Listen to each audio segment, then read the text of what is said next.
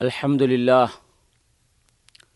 والصلاة والسلام على رسول الله محمد وعلى آله وأصحابه أجمعين أما بعد السلام عليكم ورحمة الله وبركاته ඉස්ලාමිය සහෝදර සහෝදරයනි අද දවසේ දුල්හජ් මාසයේ පළමු දින දහයෙහි විශිෂ්ටත්වය සහ එම දිනයන්හි කළ යුතු වැදගත් යාඥාවන් මොනවාද කියලා විස්තර කිරීමටයි මා සූදානම් වෙන්නේ. දුල්හජ් මාසේ පළමු දින දයහෙහි දින දහය ඉතාමත්ම වැදගත් වෙනවා එහි විශිෂ්ටත්වය කුමක්ද කියලා අපි දැන ගණ්ඩෝන. මිනිසුන් කුසල් ධර්මයන්හි නිරතවීමට අල්ලා සුභාන උතාලා අධික ලෙස කැමැති දිනයන් දුල්හජ් මාසේ පළමු දින දහය කියලා මොහම නබි සල්ලල්له වලි වසල්ලම්තුමානන් විසින් ප්‍රකාශ කළ අවස්ථාවේදී අල්ලා සුභානවතාලාගේ මාර්ගයෙහි මේ යවනු ලබන සුද්ද වූ යුද්ධයෙහි තත්ත්වය කුමක් දැයි සහභාවරුන් විමසුවා. සත්තකින්ම සුද්ද වූ යුද්ධය මෙම දිනයන්හි කරනු ලබන උතුම් වූ යහපත් ක්‍රියාවන්ට සමාන කිරීමට නොහැක. තමන්ගේ ශරීරය සේසත් සියල්ල සහ සිය ප්‍රාණ අල්ලාගේ මාර්ගයි පුද කරන්නන් හැර යනුවෙන් මොහම නබිසල්له වලි වසල්ලන්තුමානන් ප්‍රකාශ කළා. ඉමාම් අහමත්තුමාට අදාළ වාර්තාවෙහි මෙසේ සඳහන් වෙනවා දුල්හජ් මාසේ පළමු දින දහය මිනිසුන් යහපත් ක්‍රියා කිරීම සඳහා අල්ලාගේ කැමැත්ත සහ ඔහුගේ ගෞරුවයට ලක්කරන දිනයක් වෙන බව සඳහන් වී තිබෙනවා. එබැවින් එම දිනයන්හි තවහිත් කලින්මා අධික ලෙස කියවීමෙහිද තක්බීර් පාරායන කිරීමෙහිද අල්له ප්‍රසංසාාවට ලක්කිරීමෙහිද නිරතවන්න යනුවෙන් මොම නබි සල්ලල්ලාහු අලේවසල්ලම් තුමානන් දේශනා කර තිබෙනවා. නබිසල්ලල්ලාහු අලේවසල්ලම් තුමානන් පැවසූ බව ජාබී රලියල්ලා වන්නු තුමානන් විසින් කරනු ලබන වාර්තාවක් ඉබුණු හිබ්බාන් රලියල්ලාහු තුමානන් විසින් මෙසේ වාර්තා කරලා තිබෙනවා. දවස් අතුරින් අතිවිශිෂ්ට වූ දවස අරපාවේ. මෙම දිනයන්හි ඉටු කළ යුතු යහපත් ක්‍රියාවන් කුමක්ද. පළමුුව හඩ් සහ උම්රා මෙහයන් ඉටු කිරීම මේක ඉතාමත්ම වැදගත් මේ කාලයේදී හජ් සහ උම්රා මෙහයන් ඉටු කිරීම එතකොට හජ් සඳහා මක්කාවට ගිය කෙනෙකුට මේ හජ් වතාවත් උම්රා වතාවත් ඉටු කරන්න පුළුවන්. මෙම වන්දනාමාන දෙක මෙම දිනයන්හි ඉටු කළ යුතු වැදගත්කම් ගැන බොහෝ හදිසියන් සඳහන් වෙනවා. එතකොට මෙය ඉටු කරන ආකාරය ගැනත් අපි වෙනම පාඩමක උගන්නනවා. එතකොට මේ පිළිබඳව බොහෝ හදිස් තිබෙන. එක් උම්රා මෙහයක් තවත් උම්රාවක් අතර කරනු ලබන පාපක්‍රියාවන් සඳහා වූ සමාවදනු ලබන මාර්ගයක් කියලා සඳහන් වෙලා තිබෙන එක එක උම්රාවක් ඉටු කරලා තවත් උම්රාවක් අතර තිබෙන කාලය පාපක්‍රියාවන් සඳහා වූ සමාවදනු ලබන මාර්ගයක් කියලා සඳහන් වෙනවා. අල්ලා ස්භාන උතලා විසින් පිළිගන්නා ලද හත් සඳහා වූ ප්‍රතිඵලය කුමක්ද ස්වර්ගේ හැර වෙන කිසිවක් නැත යනුවෙන් මොහොම නබි සල්ලල්له අලිවසල්ලම්තුමානන් දේශනා කරන ලද හදිසයක සඳහන් වෙනවා. එතකොට මේ හදීසයන් අර ඉහත සඳහන් යහපත් ක්‍රියාවන්හි විශිෂ්ටත්වය තහවුරු කිරීම සඳහා වූ සාධකයක් වසයෙන් අපිට සඳහන් කරන්නට පුළුවන්. මේ දිනහන්හිදී අපි විශේෂයෙන්ම අනවශ්‍ය කටයුතුවල යෙදීමකින් තොරව මේ දුල්හජ් මාසේ පළමු දිනේ සිට දහය දක්වා හුඟාක් අපේ අවධානය යොමු කරමින් අල්ලාක සුභානවතාලාට වන්දනාමානයේ යෙදීමට අපි උත්සා කරන්නට ඕන. මෙම දිනයන් හිදී උපවාසයෙහි යෙදීම මේකත් විශේෂ වැදගත් මෙම දිනයන් හිදී අපි උපවාසය දෙනට ඕන විශේෂෙන්ම හජ්මයට සහභාගී නොවන අය විසින්. හජ්මහයට සහභාගි වන අයනෙවෙයි ඒ හජ්මයට සහභාගි නොවන අය විසින් එම දිනයේදී උපවාසයේදීම කෙරෙහි අවධානය යොමු කිරීම අවශ්‍යයි. යහපත් මෙහෙන් මෙහයන් අතරින් උපවාසසීලයට වැදගස්ථානයක් හිමිවන බැවින් මෙම මෙහය තමන්ට හිමි මෙහයක් ලෙස අල්ලා ස්භානෝතලා විසින් ප්‍රකාශයට පත් කර ඇති බැවින් මෙහි විශේෂත්වය පිළිබඳව මොහමන බිසල්له ඔලිවසල්ලම්තුමානන් විසින් කරන ලද ප්‍රකාශය හදීස් කුදසී සඳහන් වී තිබෙනවා. මොකක්දේ අල්ලවතාලා විසි මෙසේ ප්‍රකාශ කර බව මුහම නබිසල්له ඔලිවසල්ලම්තුමානන් දේශනා කරනවා උපවාසය මා සතු දෙයකි. ඒ සඳහා ආනිසංස ප්‍රධාන කිරීම මා සතු වගකීමක් වේ. ගැත්තන් ඔවුන්ගේ ආශාවන් පාලනය කළේද ආහාරපාන ගැනීමෙන් වැලකී සිටියේද මා උදෙසාය. එකැන අල්له ස්භානො තලා උදෙසාය. එතකොට මේ උපවාසය දෙන එකනට අල්ලාකු සුභාන වූතාලා කියනවා මේ උපවාසය යෙදෙන්නේ මාවෙනුවෙන් මාවෙනුවෙන් ආහාරපාන ගැනීමෙන් මේ මිනිසා වැලකි සිටිනවා. ඒ නිසා මගේ යුතුකමක් වසයෙන් ඒගොල්ලන්ට ආනිසංසක ඒ වගේම ඒ සඳහා පින් ඒ සඳහා අවශ්‍ය යහපත් කුසල් ලබාදීම මගේ වගකීමක් කියලා අල්ලාස් භානෝ තල පැසු බව මොහොම නබිසල්ලල්ලා හොලේ වසල්ලම්තුමානන් දේශනා කරනවා. ඉමාමරුන් වන ඉමාම් බුහාරි සහ ඉමා මුස්ලිම් යන විසාරදයින්ගේ වාතාවෙහි මෙහෙම සඳහන් වෙනවා. මුස්ලිම් කෙනකු අල්ලාගෙන් ආනිසංස බලාපොරොත්තුවෙන් එක් උපවාසයකය දෙන්නේ නම් අල්ලා එම උපවාසය හේතුවෙන් කෙනෙකු වසර හැත්තෑවක් තිස්සේ පාගමනින් ගමන් කර දුරප්‍රමාණය දක්වා නිරයෙන් ඔහු ඈත් කරයි යනුවෙන් මොහම නබිසල්له ඔලිව් සලන්තුමානන් ප්‍රකාශ කර ඇත. එකන්නේ කෙනෙකු වසර ඒකැන ඒ උපවාස නිසා කෙනෙකු වසර හැත්තෑවක් තිස්සේ ගමන් කරන දුරප්‍රමාණය දක්වා නිරේ නොහු ඇත් කර ඒ තරම් දුරට එයා ඇත්වෙන් ඒගැන ඒ එයා නිරයට ඇතුල්වෙන්නේ නෑ කියන අදහස තමයි මෙතනදී මොහම නබි සල්له ඔලිවසල්ලන්තුමානන් සඳහන් කරන්නේ. අරෆා දිනේදී ඉටකරුණු ලබන උපවාසය හේතුවෙන් මේ කියන්නේ අ හච් වන්දනාවට සහභාගි නොවන අයට පුළුවන් අරෆා දිනේදී උපවාසය දෙන්න. එතකොට අරෆා දිනේදී ඉටු කරනු ලබන උපවාසය හේතුවෙන් අල්ලා ස්භානහුතාලා අල්ලා ස්භානහුතාලා එම දිනයට පෙර වසරෙහි සහ පසු වසරෙහි සිදු වූ ඕගේ සියලු පාපයන් මේක සමාරුලාටගෙන් සුළු පාපයන් කියලා සමර හදිස්වල සඳා වෙනවා. සියලු පාපිෂ්ට කර්මයන් සඳහා සමාව දෙන බවට එතුමා අපේක්ෂා කරන බව මොහම නබි සල්له හොලි වසල්ලම්තුමානන් ප්‍රකාශ කළ බව සඳහන් වෙනවා. ඒවගේම මෙම දිනයන් හිදී වැඩි වැඩියෙන් තක්බීර් පාරායනය කරන්නට ඕන. දෙකර සජ්ජායනය කරන්නට ඕන. ඒ දෙකර් තක්බීර් පාරායන කිරීමෙන් කාලය ගත කරන්නට ඕන. මේ සම්බන්ධය නල්ලා ස්භාන උතාලා විසින් දනුන් දැනු ලැබූ දිනයන්හි අල්ලාගේ නාමය සිහිපත් කරති. දැනුම් දෙනු ලැබූ දිනයහනි අල්ලාගේ නාම සිහිපත් කරති යනුවෙන් ප්‍රකාශ කර ඇත. එකන්නේ අල්ලාස් භානෝතාලා ඒ දැනුන්දුන් කාල කාලයන්හි අපි අල්ලා ස්භාන උතාලාව වැඩි වැඩියෙන් දිකර කරන්නට ඕන. දැනුම් දෙනු ලැබූ දිනයන් යනු දුල්හජ් මාසේ පළමු දින දහයයි.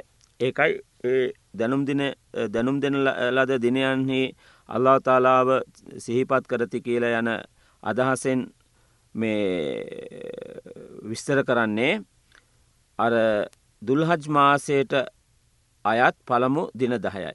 එබැවින් මෙම දිනයන්හි වැඩි වැඩියෙන් අල්ලා සීපත් කිරීම හෙවත් දිකර කිරීම මෙම මාසෙහි විශිෂ්ට මෙහයක් ලෙස ඉස්ලාම් විද්වතුන් විසින් ගෙනහ දක්වා තිබෙනවා. මෙම දිනයන්හිදී තවහිත් කලිමා අධික ලෙස කියවීමද තක්බීර් පාරායන කිරීමද අල්ලා ප්‍රසංසාවට ලක්කිරීමෙහි නිරතවීමද වැදගත් බව මොහම නබිසල්له වලවිසල්ලන්තුමානන්ගේ හදිසේ සඳහන් වෙනවා. මෙම දිනයන්හි වැදගත්කම මනාව පැහැදිලි කරන කාරණාවත් තමයි ඒ හදිස්වල සඳහන් වෙන්නේ. ඉමාම් බුහාරිතුමා විසින් වාර්තා කරන හදිසේක මේ ගැන සඳහන් වෙනවා. ඉබන උමර අල්යල්ලාහනු තුමානන් සහ අබු හොරේ රල්යල්ලාහනු තුමානන් යන දෙදෙනා වෙළඳ පොලටගි අවස්ථාවේදී තක්බීර් කියමින් සිටිහ. මෙහි ප්‍රතිඵලයක් වසයෙන් වෙළඳ පොලෙහි සිටි දනන් තක්බීර් පාරායනය කළතකොට මේ ගොල්ලෝ අර වෙළඳ පොලට ගියත් පාර ගමන් කරනකොටත් අර තක්බීර් ටිකක් සබ්දනගා කියනකොට අනිත් අයටත් අර ඇහෙන විදිහට ඒගොලන්ට එගලන්ගේ සවනට ඇහෙන විදිහට එගලන්ට ශ්‍රවණය කරන්න පුළුවන් විදිහයට පාරායනය කරනකොට ඒගොල්ලොත් ඒ අනුගමනය කරමින් අනුකරණය කරමින් ඒ තක්බිරේ පාරායනය කළ බව සඳන් වෙනවා. තවද මෙම දිනයන්හි තාබීන්වරුන්ගේ කාලේ විසු ඉස්ලාමි විදවතුන් අතර සිටි බහුතරයක් විසින් පාත් සඳන් තක්බීරේ පාරායනය කළ බව සඳහා වෙනවා. අල්ලාහු අක්බර් අල්ලාහු අක්බර් ලා ඉලාහ ඉල්ලල්ලාහු අල්ලාහු අක්බර් අල්ලාහු අක්බර් වලිල්ලාහිල් හම්ද මේක මේ විදිට පාරායන කරන්න පුළන් කොහොමද? අල්ලාහු අක්බර් අල්ලාහු අක්බර් ලා ඉලාහ ඉල්ලල්ලාහු අල්ලාහු අක්බර් අල්ලාහු අක්බර් වලිල්ලාහිල් හම්ද අල්ලාහු අක්බර් කියන්නේ අල්ලා අතිශ්‍රේෂ්ඨයි. අල්ලාහු අක්බර් අල්ලා අතිශ්‍රේෂ්ඨයි. ලා ඉලාහ ඉල්ලල්له අල්ලා තාලා හැර වන්දනාමානය කිරීමට වෙන කිසිවෙකු නැත. වල්ලාහු අක්බර් අල්ලා අතිශ්‍රේෂ්ඨයි. ශ්‍රේෂ්ඨයි. අල්له අක්බර් අල්ලා අති ශේෂ්ඨයි වලිල්ලායිල් හම් සියලු ප්‍රසංසා කීර්ති නාමයන් අල්ලාහස් භානෝ තාලාටම හිමිවේ කියන එකයි ඒකේ අර්ථය.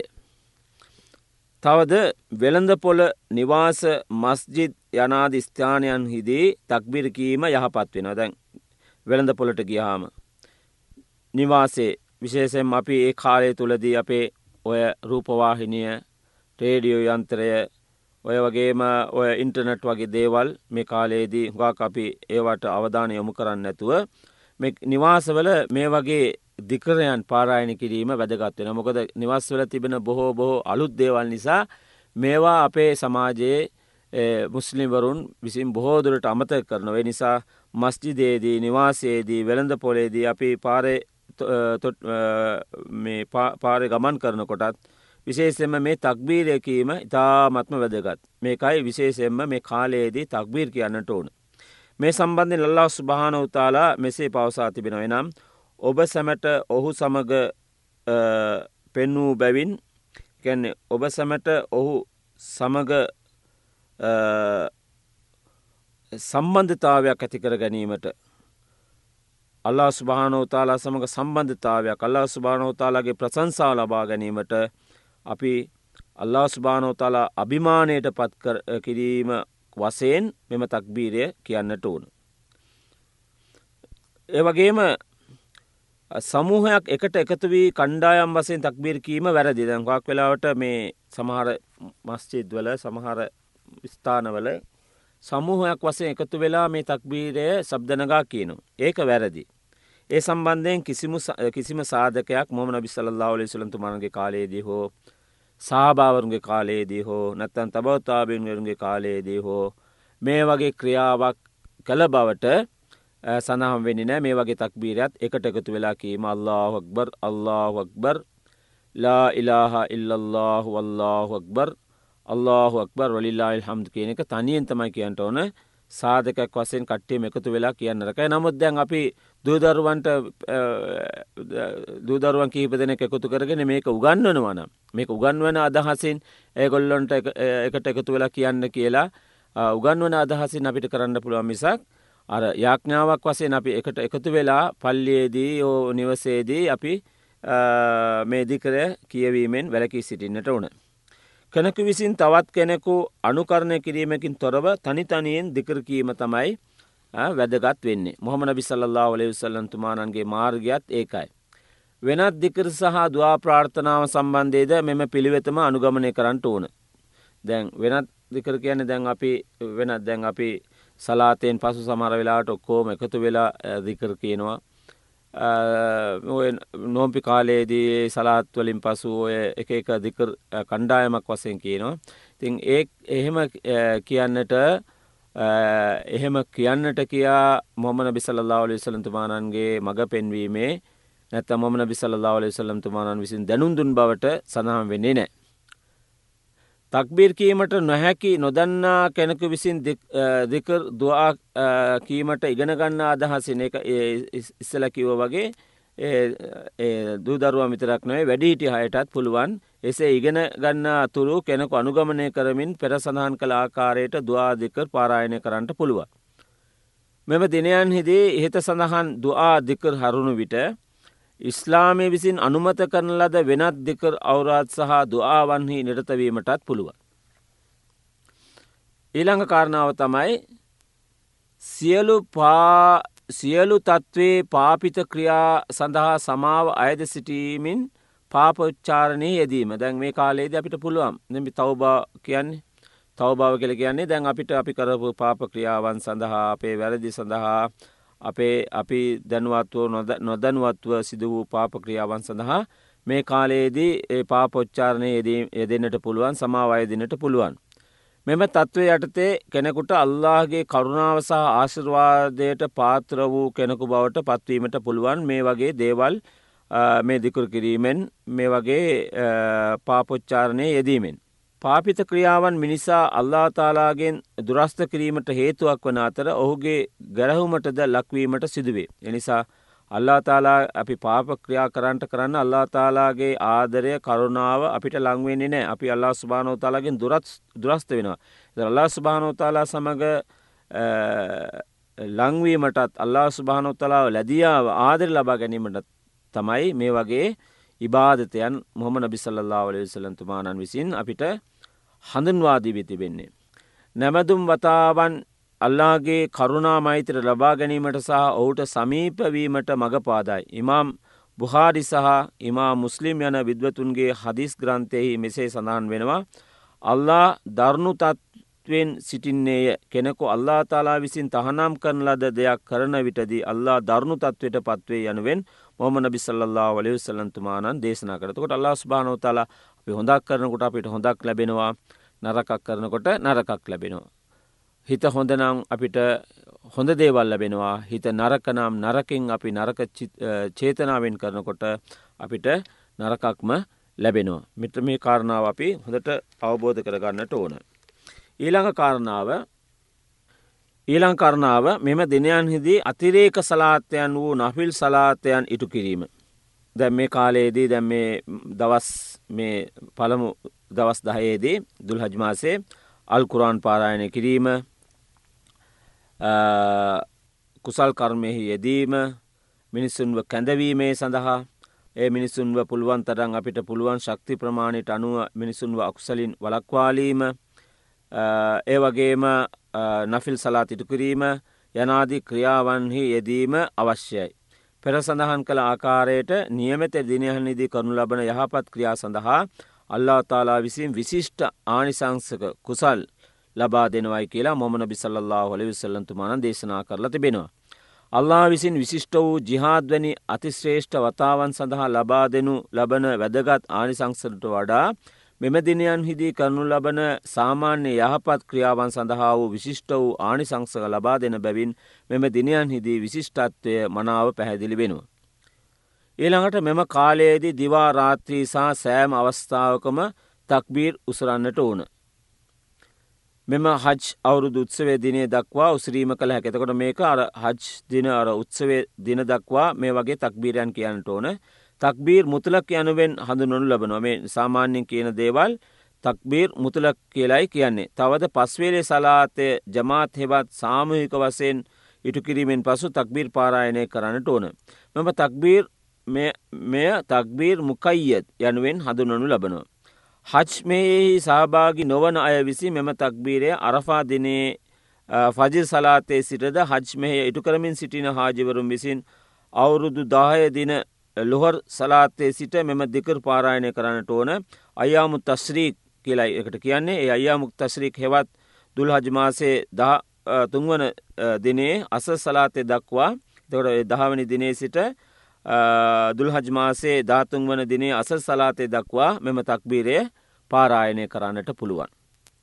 එළඟට දුල්හජ්මාසේ දහවනි ඊද් ෆිතර දිනේදී හෝ අයියාමුල් තස්්‍රීක් හෙවත් එකුළහා දොළහා ධාතුන යන දිනයන් අතරින් එක්දිනයකදී උල්හීය සිව්පාවෙකුගේ මාංස දානය කර තමන් දෙයින් කොටසක් අනුභව කරමින් අන්න අයට දෙයින් දානයක් වශයෙන් ප්‍රධාන කිරීම මෙම ක්‍රමය නබි ඉබ්‍රහිම ලෙසත්ව ස්ලාම්තුමානන්ගේ පැවත එන වත් පිළිවෙතක් වෙන නිසා මේවත් කරන්නට අපි උනන්දු වෙනට ඕන. ඉමාම් වරුන් වන බුහාරි සහ මුස්ලිම් යන දෙදෙනගේ වාර්තාවෙහි මෙසේ සඳහන් වෙනවා. මොහොමද නබි සල්ලල්له වලයුසල්ලන් තුමානන් විසින් සුදු සහ කළුපාට මිශ්‍ර එළුවන්. දෙදෙනෙකු මත එතුමාගේ පාදය තබා බිස්මි සහ තක්වීර් පාරායනය කරමින් කුර්බාන් කළ බව හදිස්වල සඳහන් වෙනවා. ඒවගේම මේ දුල්හජ් මාසේ සඳ දැකීමත් සමගම කෙනෙකු උල්හිය ප්‍රධානය කිරීමට චේතනාවක් පිහිටවා ගන්නේ නම් ඔහු විසින් තමන්ගේ ශරීරෙහි දැම්මේ අපි දුල්හජ් මාසේ සඳ දැකීමත් සමගම කෙනෙකු උල්හියා ප්‍රධානය කිරීමට චේතනාවක් පිහිටුවා ගත්තා නම් ඔහු විසින් තමන්ගේ ශරීරයෙහි ලොම් හිසකෙස් සහ නියපොතු ඉවත් කිරීමෙන් වැලකී සිටිනට ඕන. මේ එකන්නේ දැන් ඒවගේ මේවා අපි නොදැන්වත්ව දැන් නියපොත්තක් ගැලවිල යනවා නම් හිසකෙස් වැටෙනවන මේක ප්‍රශ්නයක් නෑ. එනිසා දුල්හජ්මාසේ පළවෙන දිනේ සිට අරම් එකව්වේ දුල්හජ්මාසේ සඳ දැකීමත් සමගම උල්හියාදෙන්ට කෙනෙක් චේතනාවක් නියතයක් පිහිටුවා ගත්තා නම් මේ වගේ ක්‍රියාවන් වලින් අපි බෝදුරට වැලකි සිටිනට ඕන. තවත් වර්තාවක මාංසදානය ප්‍රධානය කරන දිනේ දක්වා තමන්ගේ හිසකෙස් රෝමයන් සා නියපොතු ඉවත් නොකළ යුතු යනුවෙන් සඳහන් වී තිබෙනවා. මෙම වත්පිළිවෙත් හජ් අවස්ථාවේදී හදදිව් හෙවත් මාංසදානය ප්‍රධාන කිරීමේ ක්‍රමයට සමාන වෙන. අල්ලා ස්ුභානෝතල මෙසේ පවසනවා එම හදදිව් මෙහය ඉටු කිරීමට පෙර ඔබේ හිසකෙස් ඉවත් නොකරන්න මෙය උල්හිය ප්‍රධානය කරන තැනැත්තාට පමණක් සීම වූ නීතියකි. මෙම නීතිය ඔහුගේ අඹුදරුවන් සඳහා අදාළ නොවේ. අදාළ පුද්ගලයා විසින් හිස අතුල්ලා ජලස්නානය කළ විටදී හිසකෙස් ගැලවී යාම නිසා එය වරදක් ලෙස පිළිගනු නොලබේ. ඊත් දින සලාතය ඉටු කිරීමට සහ ඉන් අනතුරුව පවත්වන ලබන කුත්බා දේශන දෙකට ශ්‍රවණය කර යහපත් ප්‍රතිඵල ලබා ගැනීමට උනන්දු වෙන්නට ඕන. ඉස්ලාම් දහම විසින් මුස්ලිවරුන් සඳහා ඊද උත්සව දින ප්‍රධානය කිරීමෙහි යථාර්ථය අප විසින් හොඳින් අවබෝධ කරන්නට ඕන මෙම දින අල්ලාට තුතිපුද කිරීමටත් යහපත් ක්‍රියා ඉටු කිරීමටත් සුදුස් දෙනයක් සමේ කාලේදි හුවක් අය අපි දන්නවා මේ දැන් ඊදුල් පිතර. එතකොට මේ ඊදුල් අදහා.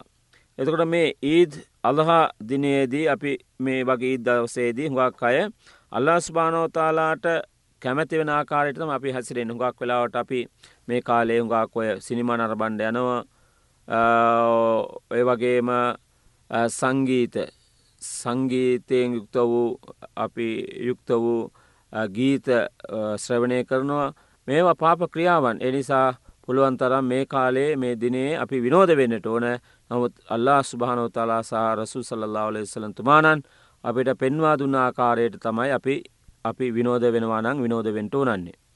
මේ ඊට පටහැනිවම දිනේ රාගෙන් සමන්විත දිනයක් ලෙස හෝ නැටුම් ගැයුම් හා මත්පැන්වලින් ගහනය වූ දිනයක් ලෙස හෝ පත්කරගන්නට නරකයි. හජ් පළමු දින දහයේදී කළ යහපත් හා කුසල්වලින් පිරී ආනිසංස මෙම මෙම නොහබිනා ක්‍රියා නිසා ඒවා පළුදුවීමට බොහෝසේ ඉඩ තිබෙනු.